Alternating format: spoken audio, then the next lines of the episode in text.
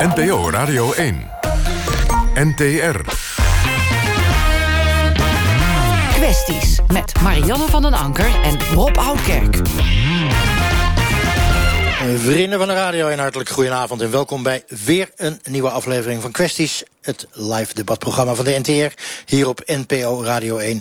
Waarin wij, zoals gebruikelijk, actuele en brandende kwesties die in Nederland spelen bij de kop pakken. U kunt uh, ons zien meekijken in deze rijdende studio, rijdende truck. We staan in Arnhem, eigenlijk in het centrum. En u kunt meekijken via de app of op radio1.nl. Arnhem, want daar schijnen nog meer mensen gescheiden te zijn dan in de rest van Nederland. En hier staat ook een advocatenkantoor dat vrijwel alleen nog kinderen als cliënt heeft als het gaat om echtscheidingszaken. En daar gaan we het vanavond over hebben. Kinderen die worden volgens de advocaat in kwestie te weinig betrokken bij het afhandelen van een scheiding. We gaan er uitgebreid over praten in een volle truck, maar dat gaan we zo meteen doen. Eerst, zoals gebruikelijk, naar Marjan van den Anker vanuit Noordwijkerhout in het hart van de Bollestreek. Marjan. En Noordwijkerhout is een uh, dorp dat verpaupert en verloedert. En dat stellen de critici uh, hierop. Overlast op straat, openbare dronkenschap en disrespectvol gedrag, straatvel en leegstand in de winkels. Noordwijkerhout gaat eraan en verliest zijn identiteit, ziet Michiel Braam. De Noordwijkerhouter die daarom een petitie uh, is gestart. Hij zit hier naast me. Zijn petitie is inmiddels al bijna 900 keer ondertekend. En dat op een inwoneraantal van 16.500 mensen. De Poolse immigranten die krijgen hier de schuld. Deze groep zou ervoor zorgen dat er overlast is en dat er hier ook vuil naast de containers wordt gegooid. Wat te doen is de vraag. Met loco-burgemeester Martijn Bielers, een aantal petitieondertekenaars en de halve lokale politiek zitten wij hier in Noordwijkerhout aan tafel. Vlakbij het Witte Kerkje, wat echt uh, voor toeristen een trekpleister is. Er is een muurtje omheen wat nog niet af is met een kale tuin. Ook een van de grote ergernissen voor een aantal Noordwijkerhouters. We beginnen bij jou, Michel Braam. Want jij hebt die petitie getekend en jij zegt daarin dat de Poolse medeburgers die over de straat zwalken en asociaal gedrag vertonen ervoor zorgen dat Noordwijkerhout niet meer is wat het was. Um, dat wil ik deels nuanceren, want het gaat eigenlijk om arbeidsmigranten, maar dat niet alleen. Ik wil juist die mensen, die groep mensen die heel hard hun best doen om uh, de bollenstreek draaiende te houden, wil ik niet in een hoekje duwen. Dus laat dat voorop, uh, voorop stellen. Alleen, uh, ik merk dat er een, een stukje integratieprobleem is ontstaan. Oftewel een hele grote kloof tussen de lokale bewoners, de Noordwijkerhouters, en de arbeidsmigranten. Um, het zijn eigenlijk... En dan staan ook nog eens een keer veel winkelpanden leeg en is de gemeente in uw ogen een vrij solitaire club die weinig luistert. Dat is helemaal juist. Ja. We hebben dat uh, op straat vanmiddag gevraagd of het nou echt zo is dat Noordwijkerhout aan het verloederen en verpauperen is. Is het echt zo erg? Nou, kijk eens om je heen.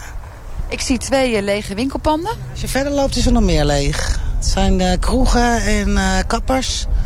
En that's it. En we zien ook veel dingen in het Pools aangeplakt. Is dat ook onderdeel van de verloedering? Die, nou, dat durf ik niet zo hard te zeggen. Maar uh, ja, kan. Ja. Is het uh, zo erg met de verloedering van Noordwijkerhout? Nou ja, alles staat leeg. Dus ik kan ze niet heel erg ongelijk geven. Mogen we iets vragen? Do you live here? Yes, yes, live. Do you like the place? Yes, yes, okay. There are people complaining about uh, the Polish people here. Yeah. Can you imagine that? No, I don't understand. Ik vind het wel heel erg. Ik woon hier uh, nu 12 jaar en die 12 jaar heeft het echt uh, heel erg veranderd. Kapot uh, meubilair, hondenpoep, heel veel sigaretten. Kijkt u maar na, het echt bergen met sigaretten. En de gemeente zegt, ach, dat valt wel mee. Of als het gaat om de verpaupering en de, en de leegstand, daar moeten we maar aan wennen. Er zijn zeker veel Polen. Maar ik vind niet dat zij voor overlast zorgen. Uh, want mevrouw die doelde hier net op de sigaretten, volgens mij. Dat komt gewoon omdat dit een horecagelegenheid is. Dus er zijn gewoon veel werknemers. Nee, absoluut niet. Absoluut niet. Noordwijkerhout is gewoon een gezellig dorp waar heel wat mogelijk is. Michel Braam, dat petitieverzoekje van jou, dat kreeg een grote vlucht. Er zijn ook een flink aantal mensen hier mee naartoe gekomen om jou te steunen. De identiteit van Noordwijkerhout, wat is dat dan precies? Dat is ons kent ons. Uh, hard voor het vrijwilligerswerk, het verenigingsleven. Uh, met elkaar in overleg, mouwen opstropen, bezem pakken en vegen. Niet lullen, maar poetsen. En kom je beloftes na. En uh, hard voor elkaar. Daar gaat het uiteindelijk om voor de Noordwijkerhouters.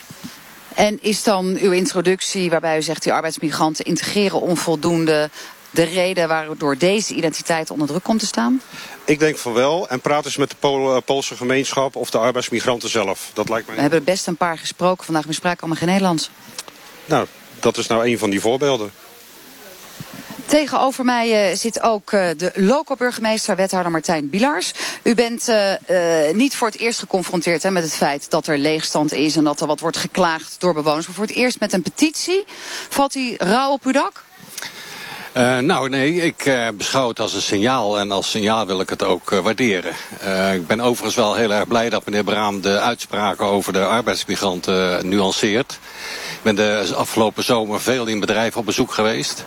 Duizenden Polen die houden onze bollenteelt, onze bollencultuur draaiende. Hè. Die zijn, dat is een ongelooflijk belangrijk aantal mensen die niet werk wat niet door Noordwijkerhouters, door Nederlanders wordt gedaan. En die leven hier, deels, deels integreren ze wel. En dat zijn ook mensen die zich vestigen. We hebben hele klassen vol met Poolse kinderen. En er zijn ook uh, uh, arbeidsmigranten die komen hier om te werken. En die leven met elkaar. En die gaan daarna weer terug naar hun eigen land. Is dat ook de reden voor u om te zeggen als gemeente... we uh, communiceren als gemeente ook openbaar in het Pools? Want we hebben dat hier uh, gezien bij bijvoorbeeld de vuilcontainers. Daar uh, kiest u er als gemeente voor om dat in het Pools te doen. Dat is een van de maatregelen die we hebben genomen om... kijk, het is lastig te bewijzen even hoor. ik onderbreek mezelf even om te kijken... wie heeft dat matras nou naast die vuilnisbak gezet... Maar als... Er zitten toch handhavers voor? Ja, precies. Maar die staan er ook niet uh, precies op dat moment dat het matras wordt neergezet. Maar het kan goed zijn dat dat gebeurt door mensen die de tekst niet begrijpen. Dus vandaar dat we het ook in het Pools hebben neergezet. En ook nog in het Engels. Hè? Kan je beter nog in het Duits doen met al die toeristen die we hier vandaag in Noordwijkerhout tegen zijn gekomen. Um, Sylvia, je hebt uh, de petitie ondertekend van Michel Braam. Waarom? Ik ben eigenlijk de instigator van, uh, van de petitie. Ik wilde mijn dieren... Maar uw naam staat er niet bij, hè? Nee, nee, nee, dat wilde ik ook niet. Ik ben al bezig met de hondenlosloopplaats in Noordwijkerhout. Ik, had een, ik belde mijn dierenarts en die, had, die was er niet meer. Uh, het bedrijf was gestopt omdat ze niet mochten uitbreiden van de gemeente.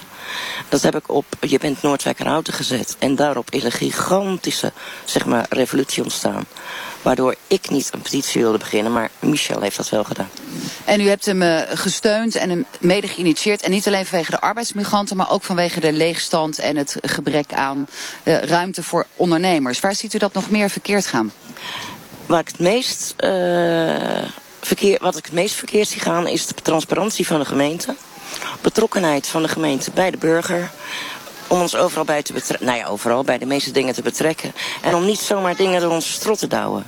Bent u zo arrogant, Martijn Bielars, en ook uh, wethouder De Jong is meegekomen. Twee man sterk vanuit het bestuur. U uh, krijgt nogal uh, te horen dat u niet open communiceert.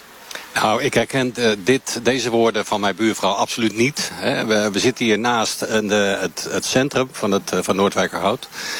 Een van de redenen waarom het zo verschrikkelijk lang duurt om zo'n project gedaan te krijgen... is omdat we hele uitgebreide inspraakprocedure hebben gehouden.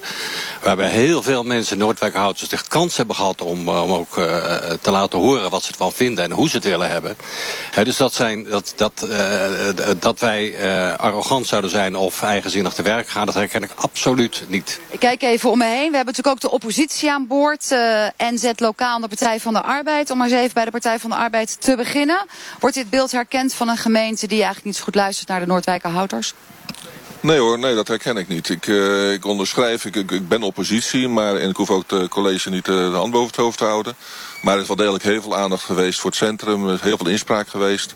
Mensen aan alle kanten, winkeliers, maar ook bewoners de kans gekregen om er een zegje over te doen. Zitten de bewoners dan te zeuren die die petitie nu zijn gestart? Ja, zeur is zo'n woord. Nee, dat, dat vind ik niet. Het probleem met de petitie is dat je alleen maar ja kan zeggen. Je kan het niet nuanceren. En dat is mijn grote probleem. Het gaat om heel veel onderwerpen.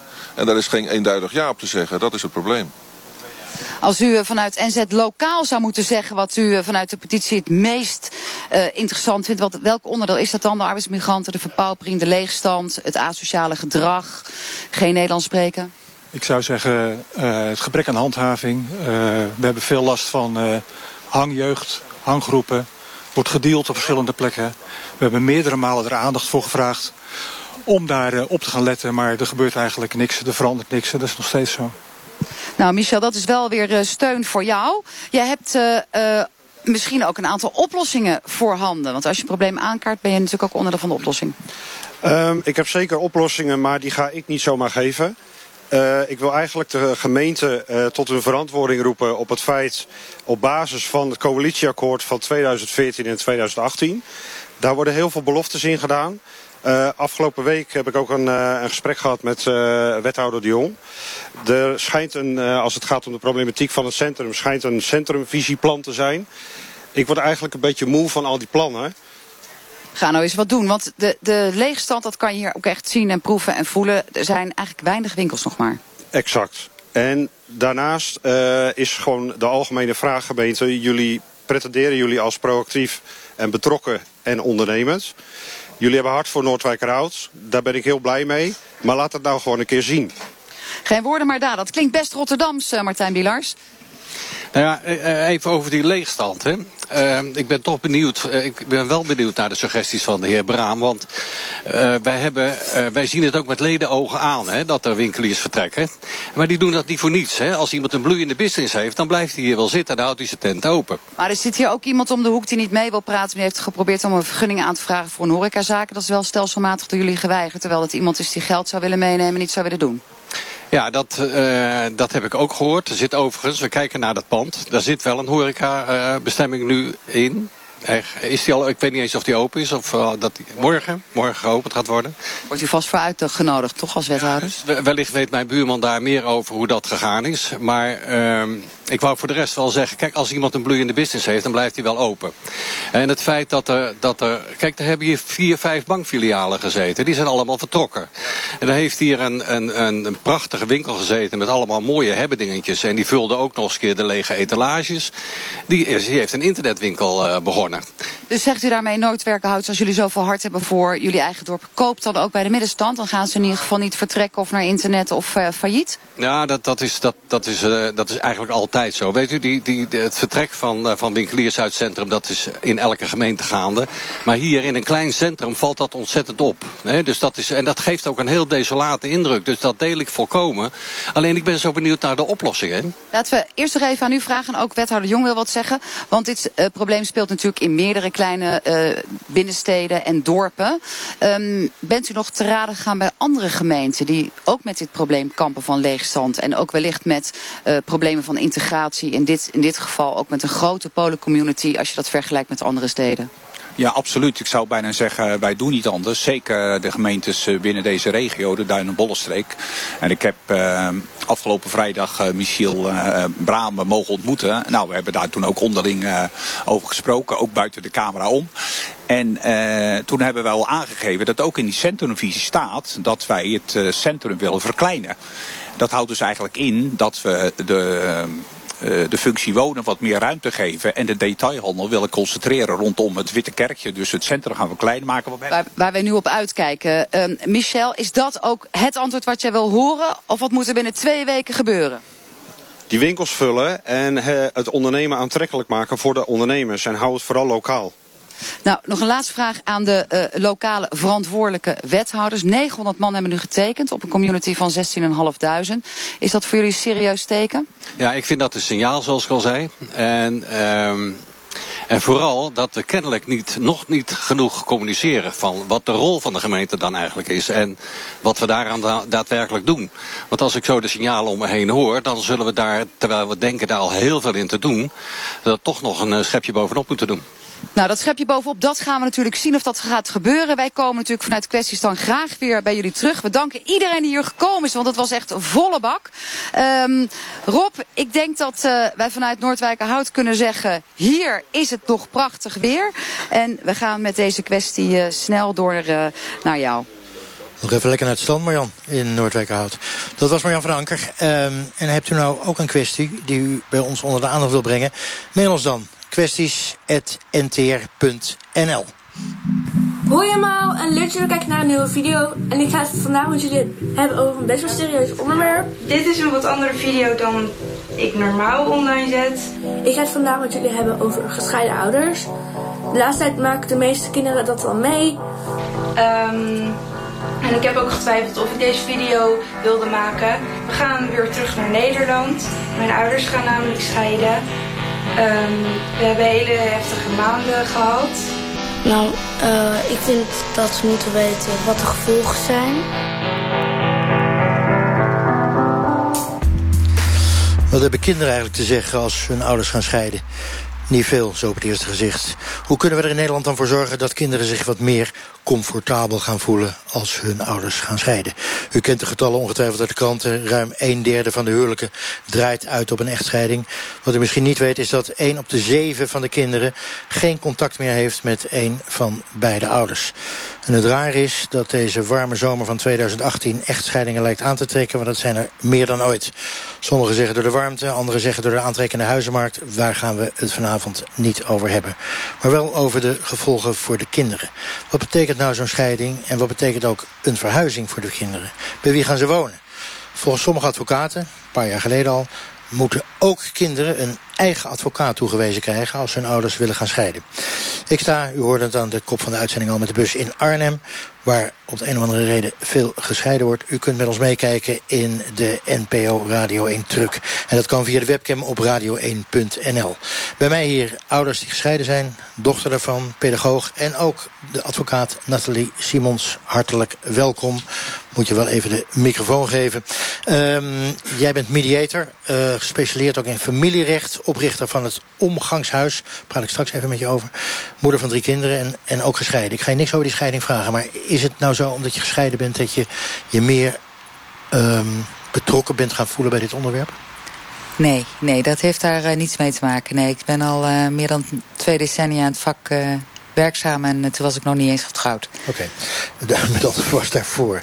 Uh, reden waarom je hier uh, bij ons zit is omdat eigenlijk bij jou alleen kinderen hè, mogen komen praten over de echtscheiding van hun ouders.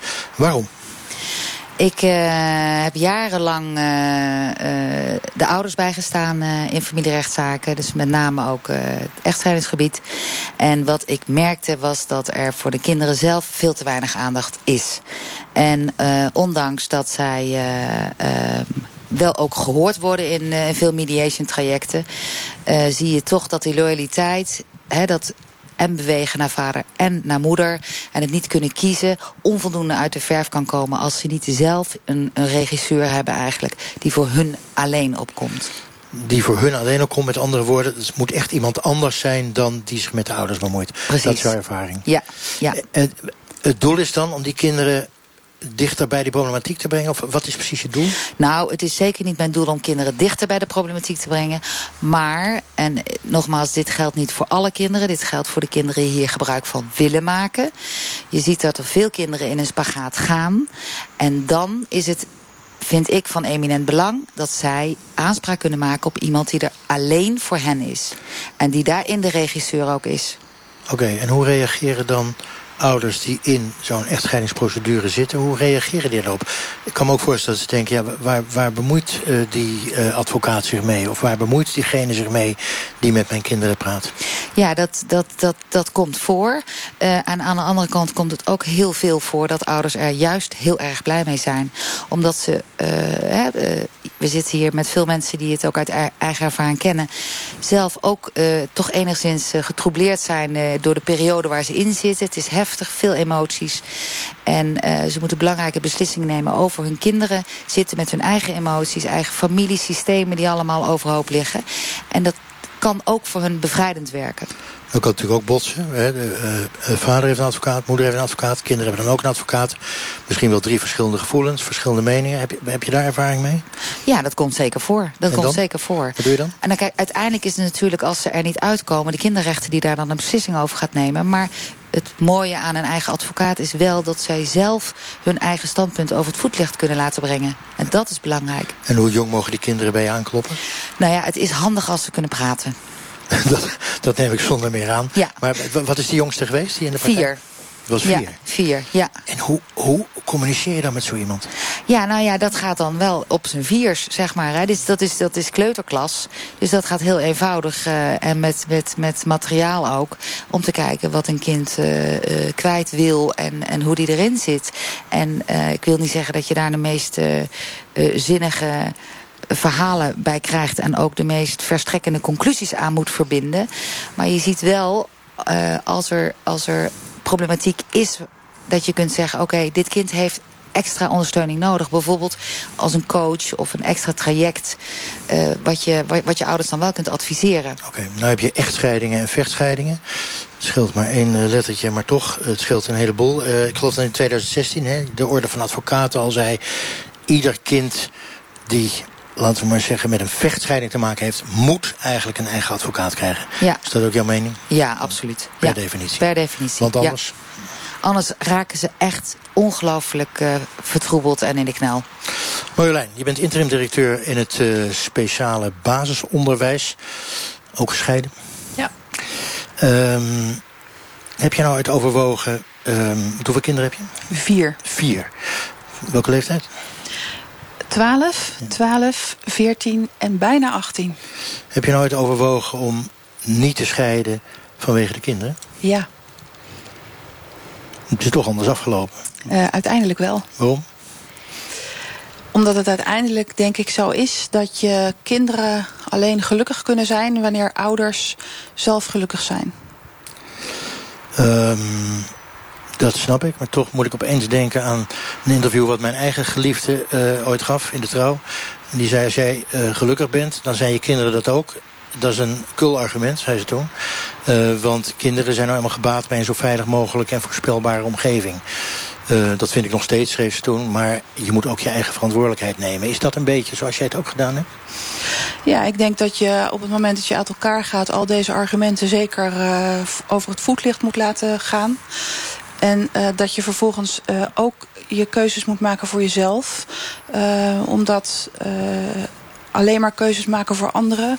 levert uiteindelijk op de lange termijn geen gelukkige kinderen. En is nou zo dat jouw omgeving veel tegen je zegt... Hey, joh, je hebt jonge kinderen, je moet je niet doen. Ik bedoel, is er sociale druk? Ja, heel veel sociale druk.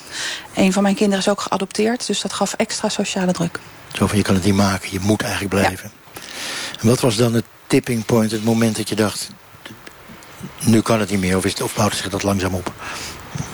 Nou, vanuit een stukje eigen kennis en kunde rondom uh, uh, achtergrond in studie. Uh, en het belang van het goed zorgen voor jezelf.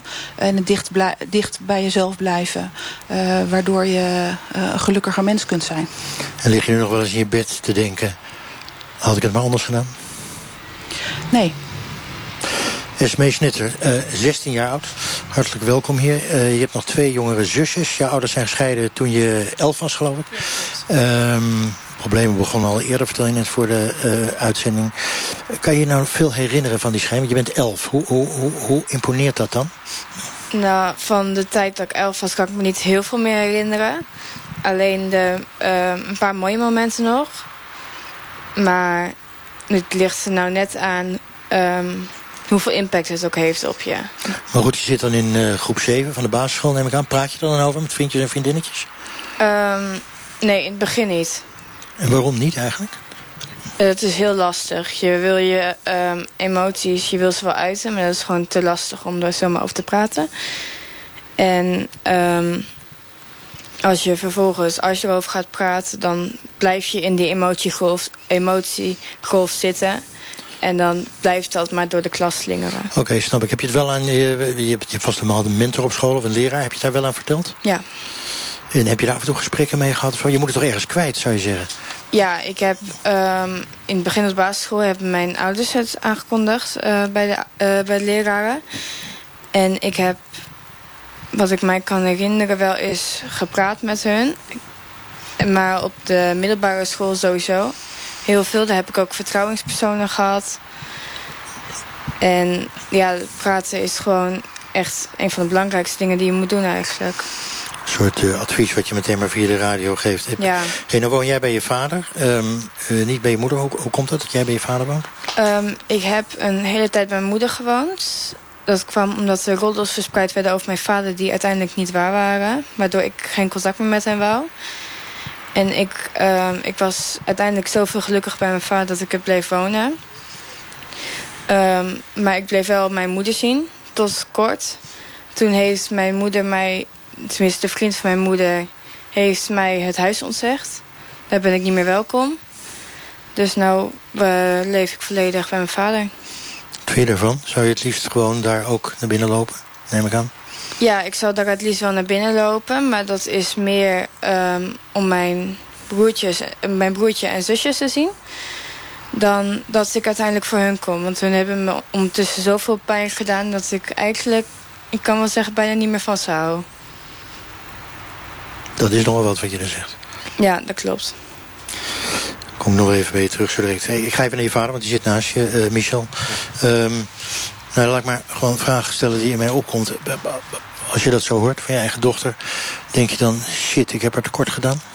Nou, ik vind het heel erg. En ehm, ik vind namelijk dat, dat een kind in alle tijden een vader en een moeder nodig heeft. Altijd. Ehm ja, we hebben gewoon een hele vele scheidingen achter de rug. En die speelt nog steeds. Uh, dan zijn we gescheiden, maar er lopen nog steeds uh, trajecten. Uh, alleen, ja, je gunt het je kinderen niet. Hoe dan ook. Je gunt het je kinderen nooit. En uh, ik zie dat ze ontzettend veel pijn hebben. Uh, ik, ik heb haar zo vaak huilend in mijn armen. En, en ook haar zusjes. En uh, ja, dat breekt me. En keer op keer op keer. Ehm, ja, ik, ik, ik twijfel dan altijd wel van... ja, als je dan terugkijkt van heb je er wel goed aan gedaan? Heb je nou wel de juiste keuze gemaakt om, om uit elkaar te gaan? Uh, ja, ik denk nog steeds dat het de juiste keuze is geweest. Alleen ja, toch misschien bepaalde dingen net iets anders aan moeten pakken. Uh, en ja, ik ben er toch wel heel erg voorstander van om, wat, wat, net al aangegeven werd... om gewoon die kinderen gelijk in het begin goed te begeleiden. En dat gebeurt nu niet. Je hebt gewoon als, als ouders zijnde, uh, maak je afspraken. Je komt wel bij een mediator. Uh, maar daar worden afspraken gemaakt over voornamelijk het financiële deel. En er kon, komt een kinderplan wordt erop gesteld waar de afspraken staan waar de kinderen zijn. Uh, maar ja, de kinderen worden daar niet betrokken. Hey, nou is het zo dat je dochter hier naast je zit. Mm. Heeft er veel pijn van nog steeds. Hartstikke moedig uh, dat jullie hier alle twee zijn. Maar zeker ermee dat jij hier bent. Dat je er gewoon over wil praten. Uh, het is nou uiteindelijk gewoon een vechtscheiding geworden, Michel? Ja. En hoe komt zoiets? Ja, ik heb geen idee eigenlijk. Ik vind, ik vind dat heel lastig. Ik dacht in het begin dat, dat we er samen goed uit zouden komen. En, uh, en er was ineens een keerzijde. En... Ja, ik ga er niet over tot in detail hoor. Dat, nee, hoor, dat vind ik niet, dat vind ik niet dat ga ik niet doen hier. Um, maar ja, het, het zijn, volgens het allemaal rechtszaken geweest. Ik denk dat we vijf rechtszaken gehad hebben. Uh, bij de Hoge Raad gezeten. Uh, uh, trajecten bij, bij Jarabé, jeugdzorg, ja. Oké, okay, ik kan me voorstellen dat jullie elkaar, hebben, als je elkaar na zo'n scheiding um, um, ziet, ik heb het met mijn eigen ex ook, dat je elkaar de tent uit wil vechten. Maar je hebt ook nog drie kinderen. Ja. En ik kan me voorstellen dat zowel moeder als vader denken... ja, maar wij hebben gewoon drie kinderen... en voor die kinderen moeten wij in ieder geval normaal met elkaar communiceren. Lukt dat? Nee. Ik wou dat lukte. Waarom lukt dat niet? Ik weet het niet. Ik weet het serieus niet. Ik, ik weet echt serieus niet. Dat is een... Uh, ik weet niet waar het vandaan komt. Uh, de, er zijn allerlei instanties die, die proberen te helpen. Uh, maar het, het, het lukt niet. De, de, ja. Lukt het jou niet? Lukt het je ex niet? Lukt het jullie beiden niet? Hoe zit dat? Ja, nou, laten we vanuit gaan voor, voor hier zeggen dat het voor ons beiden niet lukt. We, we zitten niet meer op één lijn. Hoop je dat het ooit nog, uh, want het is nu vijf jaar... Uh, hoop je dat het ooit nog een keer gaat lukken? Ja, heb je er überhaupt, heb je er ja. überhaupt dat je denkt van... Uh, gaat een keer gebeuren? Of heb je die hoop al min of meer opgegeven? Uh, nee, ik heb die hoop altijd nog. Alleen keer op keer dan, dan ben je het wel even kwijt. Uh, maar ik heb hem altijd nog. Want het is gewoon zo belangrijk. Ik hoop gewoon dat, dat, we, dat er weer een manier gevonden wordt... Uh, in het belang voor de kinderen. Dat de kinderen zich veilig voelen voornamelijk. En dat de kinderen gewoon contact hebben met beide ouders. Op, een, op een goede manier. Want daar gaat het om. Daar gaat het om. Cleo Julia Mullers, 20 jaar, student aan de Bredaanse Kunstacademie. Je ouders zijn ook gescheiden, hè? Hoe oud was je toen? Klopt, ja, toen was ik een jaar of uh, twee of drie jaar oud. Weet je niks dus, meer van? Nee, niet zoveel. Ja, weinig herinneringen. En wat was dat voor scheiding? Een, echtscheiding of een vechtscheiding? Uh, een echtscheiding. Ik bedoel, ze waren nooit getrouwd, maar het was, uh, ze gingen uit elkaar. En uh, ze gingen best wel goed uit elkaar. Um, dus ik heb er niet heel veel op die manier aan overgehouden. Maar het gaat vaak over scheidingen die dus heel vervelend uit elkaar gaan, over vechtscheidingen. Maar zelfs bij scheidingen die, waar de ouders nog steeds heel erg blij met elkaar zijn, elkaar nog kunnen zien, die zijn ook heel vervelend. Um, per definitie zou je zeggen. Maar ja. heb, je, heb je nou, je, bent, je was drie of twee. Heb je er nu op een bepaalde manier last van die je zou kunnen omschrijven?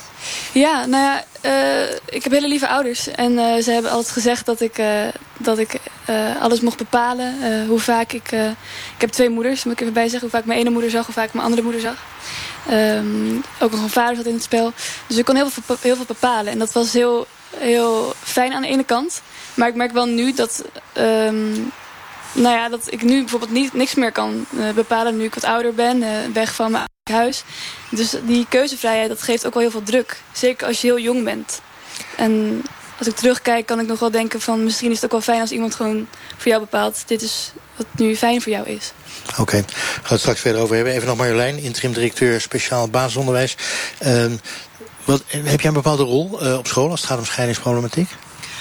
Uh, in principe uh, in eerste instantie niet. Maar wel op het moment dat er uh, complexe situaties zijn... waarin kinderen soms geheimen geplaatst worden op een school... of waar ouders niet meer met elkaar in gesprek kunnen... en de leerkracht aangeeft, ik vind dit te ingewikkeld... dan schuif ik aan in het gesprek. Als een mediator? ja, want dat ben je ook. Ik ben ook mediator, beroep, maar ik heb die pet niet op.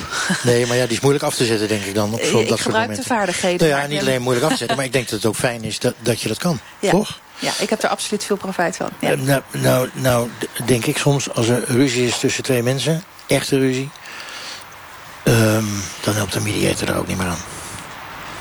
Dat hoop ik wel. ik denk dat het wel zo is. Een goede mediator zou ja. dat moeten kunnen. Ja. Ik ken ook uh, scheidingszaken waarin een mediator van alles probeert, maar nee, waarin het gewoon... Niet uh, alles is op te lossen door een mediator, anders zouden rechtbanken ook niet nodig zijn. Uh, maar ik denk dat veel gesprekken te voeren zijn. en helaas zijn er situaties waarin het echt niet kan en de rechterlijke macht daarin zo'n rol Toch heeft. weer een uitspraak ja. moet doen. Steven de Winter, hij is gespecialiseerd in onder meer family mediation, familie mediation. Uh, en die zegt, scheiden schaadt kinderen in verreweg de meeste gevallen niet, vermits de ouders goede afspraken maken. Het stigmatiseren van kinderen van gescheiden ouders is een hele slechte zaak. En ook het stigmatiseren van ouders die scheiden is een hele slechte zaak. Er zijn ouders die voortreffelijk in staat zijn om alleen hun kinderen op te voeden. Hè. En het, het, het, mensen aanpraten dat scheiden slecht is, is, is gewoon heel slecht. Ik zit op dit moment ben ik met vakantie. Ik zit op een camping en ik zie een alleenstaande ouder, een vader, die fantastisch omgaat met uh, twee kleine kinderen. Die schat ik op 2 à 3 en de andere 5 jaar, 6 jaar. Dat is ongelooflijk. Geduld, liefdevol, tactvol.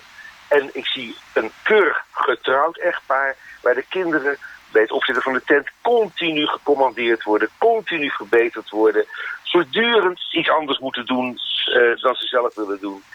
Dan denk ik, ja, daar moeten we mee dealen. In plaats van het probleem enorm groot te maken, kunnen we beter leren op een andere manier naar relaties te kijken. Nathalie Simons, uh, advocaat. Uh, nou is er een beetje de communes opinie over van ja, als je gaat scheiden, dat is eigenlijk per definitie niet goed voor je kinderen. Maar hier hoort er eigenlijk een beetje het omgekeerde. Ja, dat is al een, een jarenlange discussie met veel verschillende standpunten. Waar je ook de, deze reactie hoort. Um, het is ingewikkeld. Het is heel ingewikkeld. Kijk, daar waar er veel ruzie in de tent is... kan iedereen bedenken, ga alsjeblieft uit elkaar. Dan is er rust voor kinderen. Daar waar er ruzie gemaakt wordt in de slaapkamer... en de kinderen er eigenlijk weinig van meekrijgen... ja, kun je afvragen... Uh, is het dan handig om bij elkaar te blijven? Want we hadden net al even over van heb je er spijt van? Of, er is een onderzoek naar gedaan. Ongeveer de helft van de mensen heeft er spijt van... dat ze uiteindelijk uit elkaar zijn gegaan. Maar dus, hebben, dus hebben ze er spijt van vanwege de kinderen... of hebben ze spijt van dat, vanwege zichzelf? Dat is verder in het onderzoek niet naar boven gekomen. Maar heb je spijt van de, spijt, van de scheiding... en dat ligt rond de, rond de 50% iets daarboven. Maar ik denk dat het belangrijkste is... dat een kind natuurlijk een goede opvoeder heeft. En of het er één of twee zijn ik denk dat dat niet zo heel veel uitmaakt. Het is natuurlijk prettig als je er twee hebt. Biologisch gezien natuurlijk ook. Hartstikke fijn. Maar iemand in zijn eentje kan natuurlijk ook. Goede opvoeder, dat ben ik met je eens. Maar kinderen vinden het toch ook, hoe oud zou ik zijn, heel prettig... dat hun ouders, hun echte ouders zou ik maar zeggen... pa en ma gewoon bij elkaar zijn...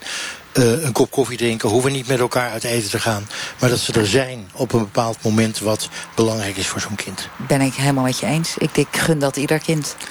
Nou, zij, uh, ik zei het uh, net ook al, ook in een vechtscheiding gezeten. Mijn zoon zei tegen mij, jullie hebben eerst 2,5, 3, 4 jaar ruzie gemaakt. Toen zijn jullie gescheiden om uit die ruzie te komen. En daarna zijn jullie in een vechtscheiding geraakt. Dus werd die ruzie eigenlijk alleen maar erger. Ja. Je zou dus bijna Ja. kunnen zeggen, dat helpt niet. Het helpt niet. Ja, wat, kijk, wat natuurlijk veel gedacht wordt is. Um,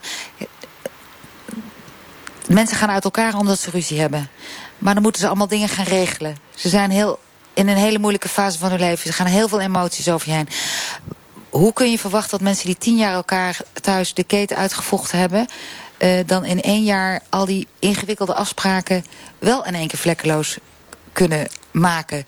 En dan, de lat ligt hoog, wou je zeggen. Nou ja, dat is voor heel veel mensen onbegonnen werk. Ik, het is fantastisch als een mediator dat kan en voor elkaar krijgt. Maar er zijn ook gewoon zaken waarin mensen zeggen van... ja, ik heb nooit met die vrouw overweg gekund. Hoe kan ik dit in godsnaam nu wel? Je zou kunnen zeggen, in een huwelijk heb je wel met elkaar uh, geleefd, elkaar lief gehad. Ja. Uh, misschien dat je wel eens ruzie hebt, dat is ook heel normaal in een gewone relatie. Ja. Um, maar er ontstaat toch iets heel raars dan dat mensen elkaar echt de tent uitvechten. Ja, ja. En die ja. hebben dan nog kinderen en het belang van die kinderen staat dan toch voorop. Ja, dat zou moeten. Maar vergis je niet dat er... Uh, kijk, we, we, praten nu over een klein percentage van het totale aantal scheidingen. Hè? Dus de vechtscheiding is natuurlijk wel echt wel gelukkig een minderheid. Maar uh, dat mensen als je... Het is, het is toch trauma. En ieder verwerkt zijn trauma op zijn eigen manier. En als het al niet lekker ging, ja, dan kan het ook maar zo zijn dat de wegen nog verder uit elkaar gaan. Hoe okay. akelig ook. Uh, Cleo, er zijn psychologen die zeggen dat, dat als je een kind bent van gescheiden ouders... dat je dan vaak ook relatieproblemen meekrijgt, bindingsangst krijgt. Uh, hoe zit het bij jou? Merk je er iets van? Nou, relatieproblemen niet zozeer, nee. Maar ik merk wel dat ik heel, uh, heel individueel ben. Uh, ik heb eigenlijk nooit een, een, gezin gehad. Ik heb gewoon mezelf, ik ben enig kind... en dan twee ouders die apart van elkaar wonen. Dus ik heb ook een aparte um, band met hun.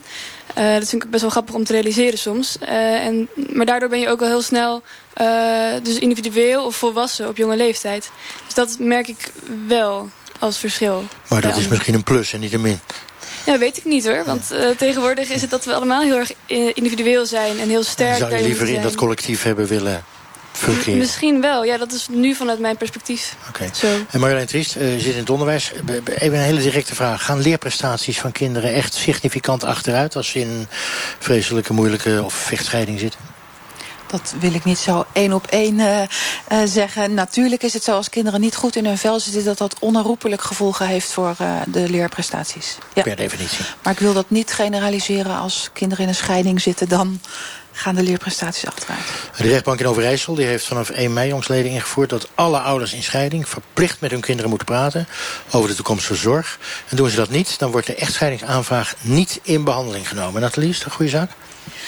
Um, het is uh, op zich een, uh, een, een, uitbreiding van het ouderschapsplan dat er al is. En er is een, uh, een formulier dat je moet downloaden. En daar waar je door, een soort stappenplan waar je doorheen gaat. Wat ik zelf lastig aan dit onderwerp vind... is dat de ouders met de kinderen om de tafel moeten... en dat moeten bespreken. Dus dan zit je weer met de loyaliteit. Omdat er geen persoon alleen voor de kinderen is... die He, die kinderen gaan dan toch meer meebewegen met Snap ik, de een en de, ander. Wat is de oplossing dan? Wat... Toch die eigen advocaat of die eigen toch onafhankelijke persoon. Ja. ja. Uh, Michel? Ja, ben ik het eigenlijk wel mee eens. Uh, als ik kijk naar onze situatie, we hebben sinds drie kwart jaar hebben wij een uh, kinderbelangenbehartiger. Uh, die, die is er voor de kinderen en die luistert naar de kinderen. En ik denk juist dat ehm, het met, een, met zo'n soort mediation moet. En je kunt het niet als ouders samen doen, want inderdaad, die kinderen zijn loyaal. Oké, okay, maar zijn we het hier met z'n allen met elkaar over eens... dat een verplichte advocaat, of moet ik zeggen vrijwillige advocaat... voor een kind bij vechtscheidingen of moeilijke scheidingen... gewoon dagelijks kost zou moeten zijn? Ik kijk... Ja, dat, ja, ik, ja, ik, ik zeg volmondig ja. Ja, ik denk het wel. En mits het kind het wil, hè? Het moet altijd natuurlijk vanuit het maar kind. Maar mits het kind het wil, dan is het toch vrijwillig, hè? Dan is het niet verplicht. Nee, nou, het is... Het, het kind moet er gebruik van kunnen maken. Dus het is een verplichting hè, dat, het, dat het bij wet vastgelegd wordt. En het kind kan aangeven, ik wil het niet. Cleo eens? Ja, zeker mee eens. En zeker ook bij, bij elke scheiding. Dus het is ook belangrijk om, het, uh, om naar buiten te treden hiermee. Ook bij scheidingen die gewoon uh, makkelijk verlopen. Dat het kind uh, de mogelijkheid heeft hiervoor. Esmee, had jij, had jij zo iemand eigenlijk toen je elf was al willen hebben? Ja, eigenlijk wel. Zo iemand is wel heel erg belangrijk.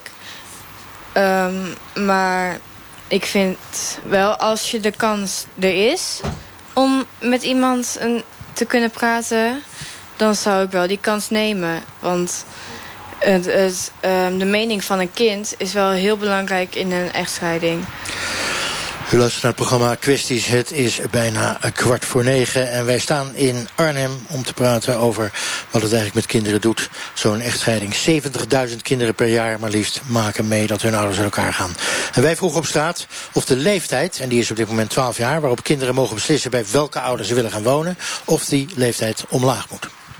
Ik vind het niet goed als kinderen zelf mogen beslissen vanaf 12, of uh, al eerder dan 12 mogen beslissen waar ze mogen wonen. Omdat ik denk dat kinderen niet altijd, e niet altijd even goed weten waar, wat goed voor ze is. Nee, dat vind ik niet. Omdat ze nog te jong zijn om die beslissing te nemen, wel overwogen. Ik, ik, mijn mening is uh, goed kijken naar het kind. Uh, wat is de achtergrond? Uh, wat heeft hij meegemaakt? hoe intelligent is die? hoe sterk staat hij in zijn schoentjes? ik zou eerst daarna kijken en dan per kind gaan overwegen van... ja, kan het bij wijze van spreken ook op jaar van 10 zijn of 11 of 12? Nee. Omhoog. Nou, ik heb zelf de ervaring erin. Ik heb ook een, een, een dochter. En uh, zij mocht op 12-jarige leeftijd ook beslissen inderdaad van uh, of ze bij de vader of bij de moeder mocht wonen. En ik vind kinderen op die leeftijd nog niet capabel om zelf een keuze te maken. Nathalie Simons, uh, jij bent er ongetwijfeld juridisch van. Is dat juridisch gecompliceerd, zo'n leeftijdsverlaging? Als je het al zou willen? Um, nou, ik denk dat we eerst heel even een stapje terug moeten maken. Het is niet zo in Nederland dat je met 12 jaar kunt kiezen bij wie je gaat wonen. We hebben opgenomen in de wet dat je vanaf 12 jaar gehoord wordt als minderjarige. Dus dan krijg je een oproep van de rechtbank. En dan mag jij je zegje doen over uh, over de situatie. Oké, okay, dus... maar als, als dan uh, Jan of Piet zegt... luister eens, ik wil dolgraag bij mama wonen... en er komen allerlei argumenten... en die argumenten die uh, zijn, laten we maar zeggen, waardevol... Dan zal het er wel op die manier gaan. Het wordt meegenomen. Nou, het is toch uh, wel heel, heel duidelijk dat dat verschil er goed begrepen wordt. Dus de kinderrechter uiteindelijk die daarover bepaalt... en dat dat in, eigenlijk in hoofdzaak in samenhang doet met ouders... en het kind daar wordt daarin meegenomen, die mening. In Amsterdam hebben ze nu de leeftijdsgrens vervroegd naar acht jaar. Zijn ze nu met een pilot gestart. Wat vind je daarvan? Nou, ik vind het heel goed dat kinderen vanaf acht jaar gehoord gaan worden over de situatie. Maar, maar het praat dus niet over. Ja, dus, nou ja, van vier mag van mij betreft ook. Maar uh, uh, goed dat ze erover mee mogen praten. Esmee, zou jij gewoon die beslissing zelf hebben willen genomen? Dus niet gehoord worden. En dat iemand voor jou gaat beslissen. Het wordt A of B, het wordt pa of ma. Maar jij beslist het. Nou, ik vind dat dat heel erg afhangt van hoe het kind inderdaad in schoenen staat. Als het kind al um, echt van die sterke argumenten heeft... van dit en dit is welkom ik daar wil wonen... dan vind ik wel dat, dat, dat er echt heel serieus naar geluisterd moet worden. Maar ik vind ook dat er naar de kinderen geluisterd moet worden voor 12 jaar. Want ik vind dat ieder kind een mening mag hebben... Hoe oud ook. Ja, hoe oud ook. Of hoe jong ook, moet ik natuurlijk zeggen. Uh, wij vroegen op straat ook of het verboden moet worden... let op, verboden moet worden dat een kind kiest. Of voor pa en de ander in het gezin voor ma. Ja, vind ik wel. Want uh, kinderen worden uit elkaar gehaald. Broers, zussen, zussen, broers bij elkaar. Uh, die hebben echt steun aan elkaar nodig. Dus ik vind wel dat als ze uit elkaar gaan, dat ze bij elkaar moeten blijven.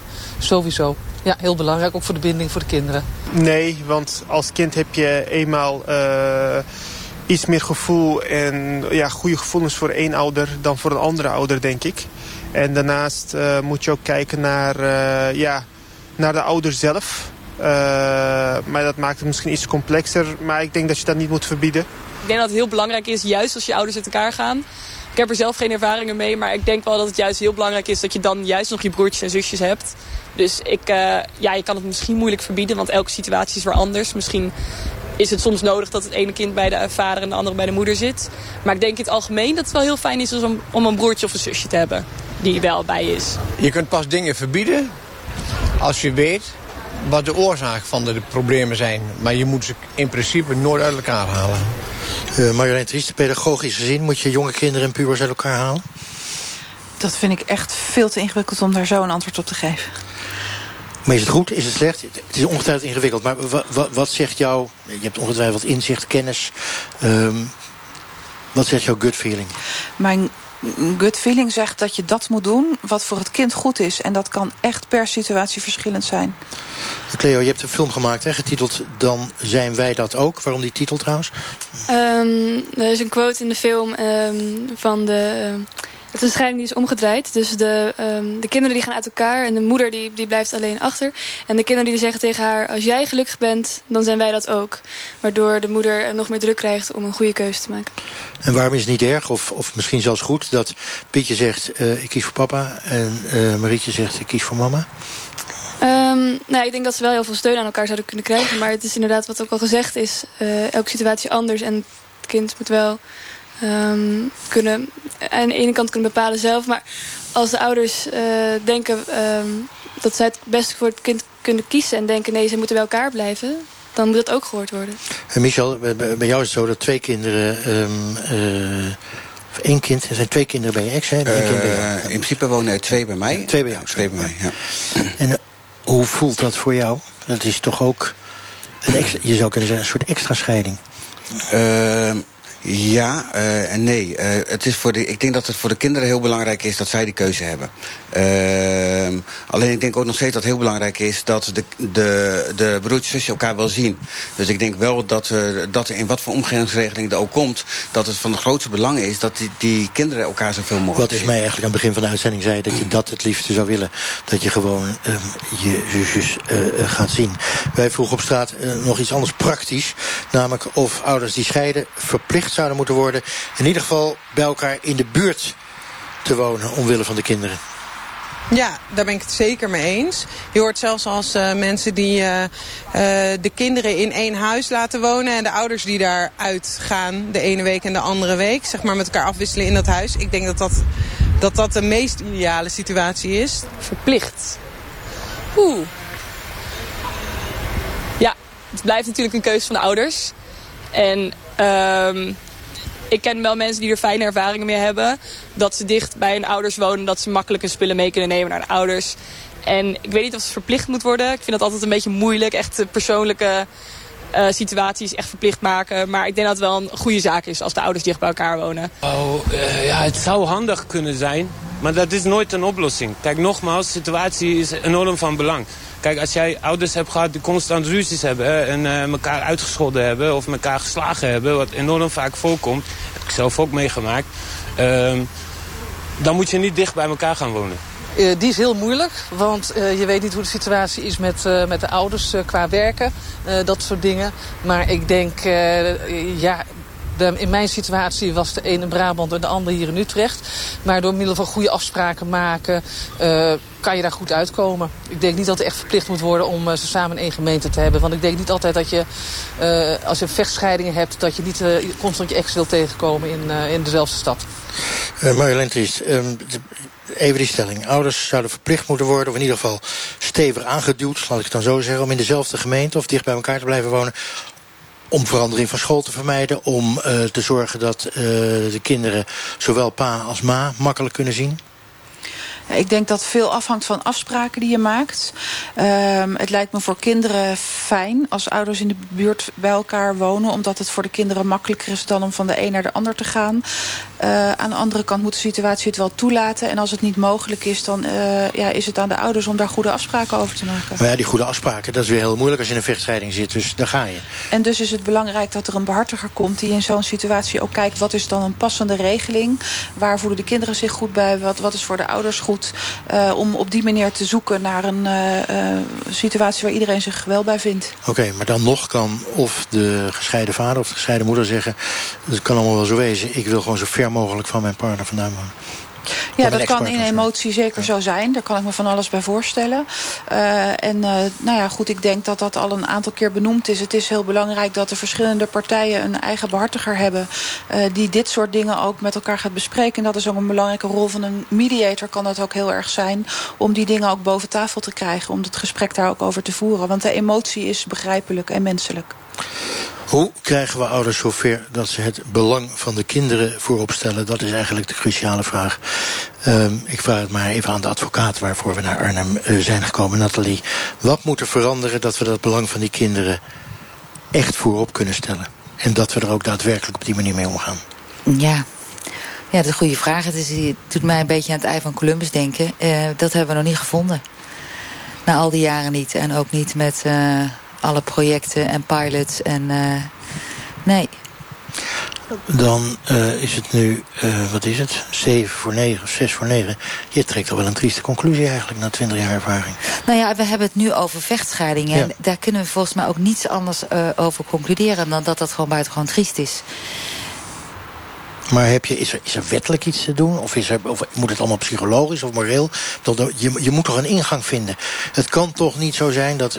We hebben hier in de bus uh, Michel zitten, ik heb het zelf ook mm. meegemaakt... Mm -hmm. dat er over de ruggen van kinderen... die van mij zijn 22 en 24, zijn ja. de kinderen meer... maar ze vinden het verschrikkelijk. Ja. Er moet toch een methode nou ja, zijn om dat te veranderen? Dat is dus hè, voor mij een reden geweest om te zeggen... ik wil dat deze kinderen allemaal een eigen regisseur krijgen... in de vorm van een advocaat die dan... Hè, voor de belangen kan opkomen van de kinderen... en ook meteen aan allerlei bellen kan trekken... als er bijvoorbeeld psychologische hulp ingezet moet worden... of, of sociaal of via school... Uh, dus bekijk het vanuit een andere invalshoek. Oké, okay, maar dat is dan misschien iets optimistisch. Bekijk het vanuit een andere invalshoek. Nou, die vanuit het kind, hè? Dus van echt vanuit het kind, dus niet vanuit, vanuit de ouders. Ja. Um, ja, dan hebben we toch een ervaringsdeskundige hier um, uh, zitten. Uh, Michel, wat, wat, Tuurlijk, je hebt zelf allerlei ervaring. Als je nou het gevoel hebt, ik zou de wereld mogen veranderen hierin. Wat zouden dan je adviezen zijn? Uh, meer begeleiding vanaf het begin. Zowel voor de ouders als voor het kind. Uh, wat je nu en heel wat vaak, voor begeleiding dan, precies? Uh, be emotionele begeleiding. Begeleiding om op een normaal niveau samen met elkaar te kunnen praten weer. En in het belang van het kind te denken. En het gaat nu voornamelijk begint het om het geld en het kind komt daarna. Oké, okay. en wettelijk gezien ook nog iets? Inderdaad, een kinderbehartiger of een advocaat of wat dan ook voor het kind. Verplichten. Verplichten. Ja, verplichten. Dus toch, ja. conclusie aan het einde, bijna aan het einde van deze uitzending, is mee. Ik kan me voorstellen dat je gewoon hartstikke verdrietig bent. Hoe het allemaal is. Ja, klopt. Maar dat, ja, de, uh, de ene wordt er net wat harder van dan de ander. En wat ben jij geworden? Wat mensen in mijn omgeving, waaronder de kinderbehartiger waar ik mee praat, zegt dat ik heel hard ben geworden. Hard? Ja. En waar uitzicht dat in? Um, dat ik nog maar heel weinig emotie toon. Er zijn maar een paar mensen waar ik mijn emoties kan tonen. Maar die zijn er gelukkig nog wel? Die zijn er nog wel, heel minimaal. Nou, dan is het des te dapperder dat je uh, een deel van die emoties wil met uh, ons delen. En niet zozeer met ons hier uh, in deze truck, maar met heel veel mensen die aan de radio zitten te luisteren. Ik dank jullie allen dat jullie hier aanwezig wouden zijn. Tot zover deze uitzending van kwesties. Deels uit Noordwijkerhout, waar het verloederde. En deels vanuit Arnhem, waar het ging over de gevolgen voor kinderen van echtscheidingen. Volgende week zondag zijn we er weer ergens in het land. Bekijk ook de Facebookpagina van kwesties voor alle extra's. En hebt u nou een kwestie die u hier in de bus zou willen bespreken? Mail ons dan kwesties.ntr.nl. Zometeen na negenen Radio Doc met drie van de beste podcasts die wij in Nederland hebben. Ik wens u een mooie, niet helemaal, maar wel mooie zomeravond toe en tot volgende week.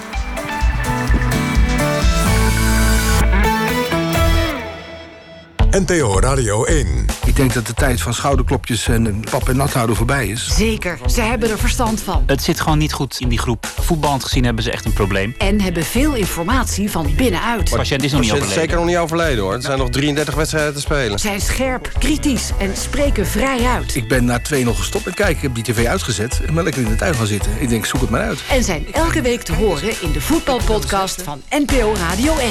Een klein rondje, gaan ze het redden? De voetbalcommentatoren van de NOS. Dit zijn acteurs. Maar, Dit was een parodie. Maar word jij, word jij niet boos? Ga naar nporadio1.nl en haal hem binnen. Elke maandag. De NOS Voetbalpodcast.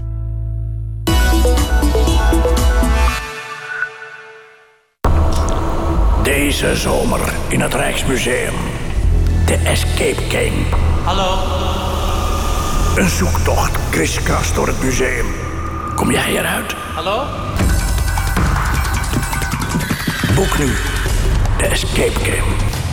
Rijksmuseum.nl Elke ondernemer kent het. Je hebt een nieuw idee. Duurzaam. Met oog voor de toekomst. Maar de schoorsteen rookt niet van idealen alleen. Gelukkig is de oplossing simpel. De Sustainable Finance Desk van ABN AMRO. Want zij hebben alle specifieke kennis over het financieren van duurzame projecten. Als ondernemer winst maken op alle fronten? Neem contact op met de Sustainable Finance Desk van ABN AMRO. Ga naar abnamro.nl slash finance the future. Hoor je dat? Het zijn de super trotse mosselen van Prins en Dingemansen. Alleen mosselen van topkwaliteit krijgen die naam. En dat proef je. Ja, dat is echt royaal genieten. Heerlijke mosselen van Prins en Dingemansen. Kijk voor inspiratie en verkoopadressen op royaalgenietenvanmosselen.nl Heb je wel eens gedacht aan een abonnement op de Leesmap? Elke week een map met de populairste weekbladen en de beste maandbladen. Uren leesplezier, al vanaf 3,35 per week. Bovendien krijg je ook nog eens een prachtige tablet cadeau. Profiteer nu van deze aanbieding en ga snel naar leesmap.nl. Wie het eerst komt, wie het eerst maalt. Veel voordeel op de laatste fietsen. Opruimingsweken bij Fietsvoordeelshop. Maximale service, vriendelijke prijzen. Fietsvoordeelshop.nl Deze zomer in het Stedelijk Museum Schiedam. Edgar Tijdgat, de Chagall van Vlaanderen. Beleef zijn dromen en fantasieën. En bekijk de betoverende foto's van Elsbeth Diederiks. Binnen en buiten het museum laat ze heel veel bloemen bloeien. Mis het niet. NPO Radio 1